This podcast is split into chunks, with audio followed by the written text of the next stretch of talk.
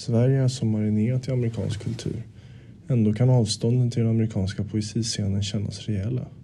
I själva verket finns ett flertal olika amerikanska poesiscener vilka består av rätt många undervegetationer av poesi som sällan når en svensk publik.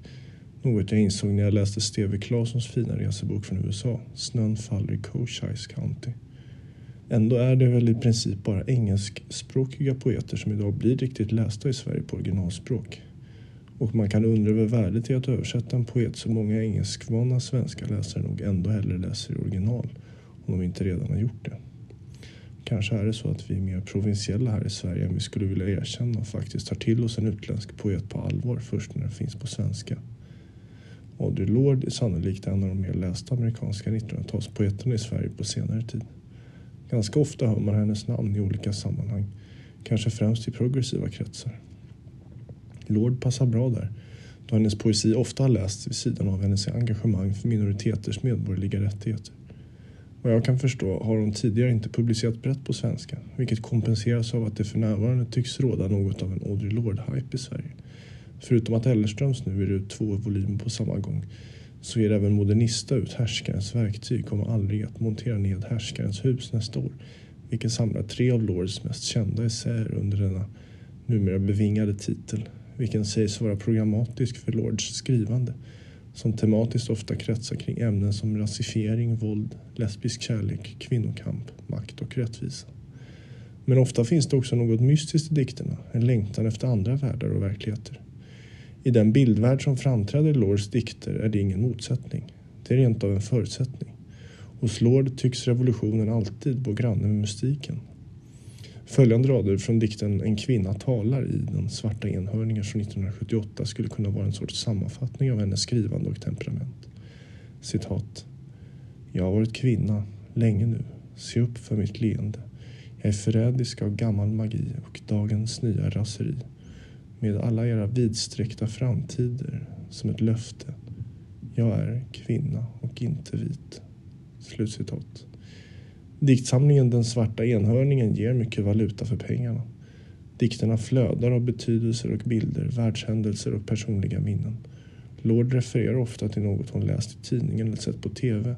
Och att läsa Audrey Lord är ibland som att bläddra igenom en tidning där man hittar små notiser i dikterna som man fastnar för. Man hittar både extroverta kampdikter, mer introspektiva reflektioner och ganska många dikter som skapar någon slags dialog med olika personer som poeten har mött. I efterordet läser jag att Lord skrev dikter under en period av sjukdom i mitten av 1970-talet. Och nog finns det något febrigt för många av raderna som får en att tänka på den sjuka Edith Södergrans inre visioner. Poesin blir ett slags livgivande elixir som poeten använder för att frigöra sig från sin sjukdom. Lord var ju till skillnad från Södergran en människa som verkligen levde i världen och som engagerade sig i kampen för afroamerikaners och andra minoriteters rättigheter och för henne handlade nog tillfrisknandet också om att bota ett ofriskt samhälle. En poet som jag gissar blivit inspirerad av Lords upprorsromantik är Athena Farrokhzad som också är den som har översatt de båda diktsamlingarna. På något sätt märks det i materialet att det är gjort med kanske mer respektfull lust än kreativ noggrannhet men också att vissa ord och begrepp kanske har blivit lite onödigt hovsamt översatta. The Big Apple är ju inte riktigt det stora äpplet. Att läsa Audrey Lorde genom Athena Farrokhzad blir stundtals som att läsa om Lorde i möte med den svenska poesiscenen av idag, där Farrokhzad är en central röst. Jag upplever att det funkar bättre för de dikter som kanske mer drivs av ett visst ärende snarare än ett fritt experimenterande. Ett exempel på en sådan dikt hittar vi i Den svarta enhörningen, den mörkt hoppingivande kampdikten Till Asata skriven till den då fängslade aktivisten Asata Shakur som dömdes för inblandning i en skottlossning men lyckades rymma 1979 och än idag befinner sig på okänd ort, antagligen Kuba. Citat. Jag drömmer om din frihet som min seger och seger för alla mörka kvinnor som föregår tystnadens fåfänga, som gråter och strider Ibland mot oss själva, i varandra, snarare mot våra fiender, falskheter. Asata, min syster krigare. Jeanne d'Arc och Ja Santeva omfamnar varandra längst in i din cell. Ja Santeva var en så kallad drottningmoder i det gamla Ashanti-riket i dagens Ghana och en av ledarna för ett av de sista upproren mot den brittiska kolonialmakten i början av 1900-talet innan britterna satte punkt för det 200-åriga Ashanti-riket.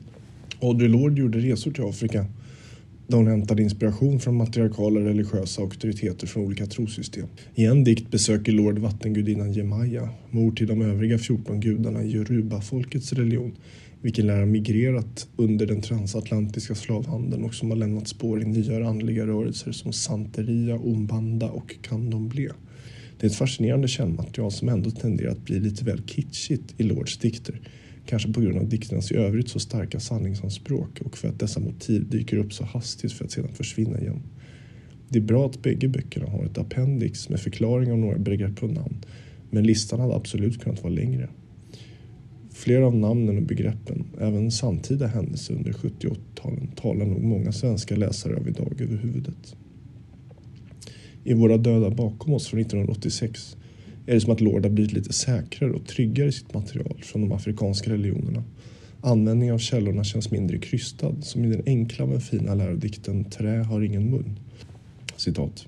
När Masko går sönder i Benin måste dansaren snabbt offra, som om en släkting dött. Masken kan inte tala. Dansarens tårar är tårar från en gråtande ande. Bruna gryn, stumma, som en förlorad detalj Toth, vishetens gudinna, förklädd till babian. Slutcitat. När man läser Lord i original märker man att orden ofta rör sig in i varandra. Det är en poet som är väl förtrogen med den amerikanska fäblessen för metaforer. De svenska tolkningarna lyckas mer eller mindre bra med att föra över den här dubbelheten. Särskilt när dikterna blir lite friare i sin association och sitt berättande. Exempelvis den lätt bitdoftande till poeten som råkar vara svart och den svarta poeten som råkar vara kvinna i Våra döda bakom oss. Jag föddes i svarthetens innanmäte. Min mors särskilda lår. Hennes vatten gick över blåblommig linoleum och blev till slask i Harlems kyla. Klockan tio en fullmånenatt vreds i mitt huvud som en klocka. Du var så mörk som min mor. Jag trodde att du var en pojke. Slutcitat. I original heter det I was born in the gut of blackness. Men i Farrokhzads översättning är det som att tonen förändras lite när vi får det mer kliniskt klingande innanmäte istället för gatt. Det slangbetonat nonchalanta gatt är svåröversatt och originalets dubbla bild av att hon föds ur svarthetens mage och sin moder på samma gång går lite förlorad här. Den svenska tolkningen missar också två andra viktiga betydelser här att det hela sker inte bara på ett linoleumgolv utan i ett kök på ett linoleumgolv och att det inte bara blir slask av fostervatten utan slush, en sorts färgglad amerikansk isglassdryck. Kanske hade dikten blivit närmare originalet om slushen blev isglass istället för det gråmulna slask. Eller kanske hade man bara kunnat låta slush stå kvar. Detta visar på översättarens grannlaga uppgift med att överföra Lord till en svensk språkdräkt. Det är inte det lättaste att följa med i Lords eklektiska mix av kaxig 70-talssnärtighet, sakralt mässande och ett vilt associerande som sträcker sig över världsdelar, kulturer och stämningslägen. Kanske är det också därför jag dröjt innan Lord kom på svenska. Det är helt enkelt svårt att göra hennes bilder och språk rättvisa. Jag vet inte ens om den legendariske slangöversättaren Einar Heckscher hade lyckats med uppgiften särskilt tillfredsställande. Både den svarta enhöringen och våra döda bakom oss tycks sprungna ur turbulenta år i amerikansk inrikespolitik. Det är förstås en viktig pusselbit för förståelsen av dikterna. Men i turbulensen finns samtidigt en underlig glädje, en frigjordhet eller snarare lekfullhet. Och när vissa av de idiomatiska uttrycken faller bort så blir dikterna lite mer sorgsna än vad de är i sin ursprungliga form. Men flera av dikterna är just ganska sorgliga och på något vis inåtvända med ett bildspråk som både är lågmält men ändå fyllt av underliga detaljer. Där tycker jag att Farrokhzads något försiktiga tolkningar kommer till sin rätt bättre. Som i den surrealistiskt melankoliska Berlin är hårt mot färgade flickor från Våra döda bakom oss. Citat. Kanske går en främmande kvinna ner från hörnet in i mitt sovrum. Getingbon bakom hennes ögon. Hon äter en halvmogen banan med bruna ödleformade fläckar måsar i håret. Slutcitat. Man skulle kunna kalla den svarta enhörningen och våra döda bakom oss ganska ojämna diktsamlingar. Men istället för att använda ett sådant värderande ord kunde man också kalla dem rastlösa. Det finns ofta något jagat över texterna, en känsla av att inte riktigt höra hemma. Som barn till invandrare från Karibien som migrerat till Harlem i New York var Lord något av en minoritet i minoriteten och blev kanske aldrig riktigt hemma någonstans. Läser man dikterna biografiskt så verkade Audre Lorde trivas bäst på väg någonstans. Kanske på en konferens med många deltagare där man kunde upphäva det egna livets lunk under ett kort möte med en helt främmande människa i vimlet. Det är svårt att inte charmas av Lorde när hon är på en bankett i Uzbekistan och möter en kvinna som tycks vara en inkarnation av Igbo-folkets högsta andliga gudom. I dikten Politiska relationer i våra döda bakom oss. Citat. På ett hotell i Tashkent sög den lettiska delegaten från Riga på sina fiskben när en Shukwu-kvinna med händer lika heta som mina smekte mitt ben under middagsbordet. Hennes sneda ögon var mörka som sälpäls. Vi kunde inte varandras språk." Slutcitat. Visst märker man vilket oerhört inflytande Audre Lorde måste ha haft på flera av de mest lästa och diskuterade diktsamlingarna i Sverige på senare år.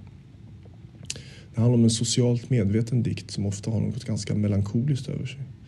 Det är en melankoli som tycks gå att härleda till samhällets orättvisor och olägenheter och inte från någon mer ogripbar Weltschmerz. Dikterna är en klagosång över tillståndet i världen. Istället för att kanske kollra bort läsaren eller förfrämliga tillvaron förväntas poesin agera budbärare av dystra nyheter. Som läsare vill man slå ner huvudet och mest nicka instämmande. Man vill inte säga fel ord tillbaka. Kanske skulle dikten då dra sig undan och inte tala till en längre. Det gör dikterna lite slutna. Men gissningsvis kan ändå många känna sig välkomna i dessa mörka rader. Till stor del är det mörker som Lord beskriver sådant som pågår hela tiden. Tyvärr i ganska oförändrad takt sedan 70 och 80-talen. Audre Lorde var en människa som ständigt levde med världsnyheterna och det politiska engagemanget i sin vardag och skrev dikter om vad hon såg och upplevde runt omkring sig. Även om hon kanske redan har många proselyter i Sverige så känns det spännande att denna originella poet nu finns ordentligt representerad på svenska då det säkerligen kommer att leda till nya perspektiv på poesins möjligheter att både skildra och intervenera i omvärlden. Dels som ett vittnesbörd om vad som sker här och nu men också som en möjlighet att hämta inspiration av forna tiders gudar och traditioner och söka visioner av den tid som ännu inte är.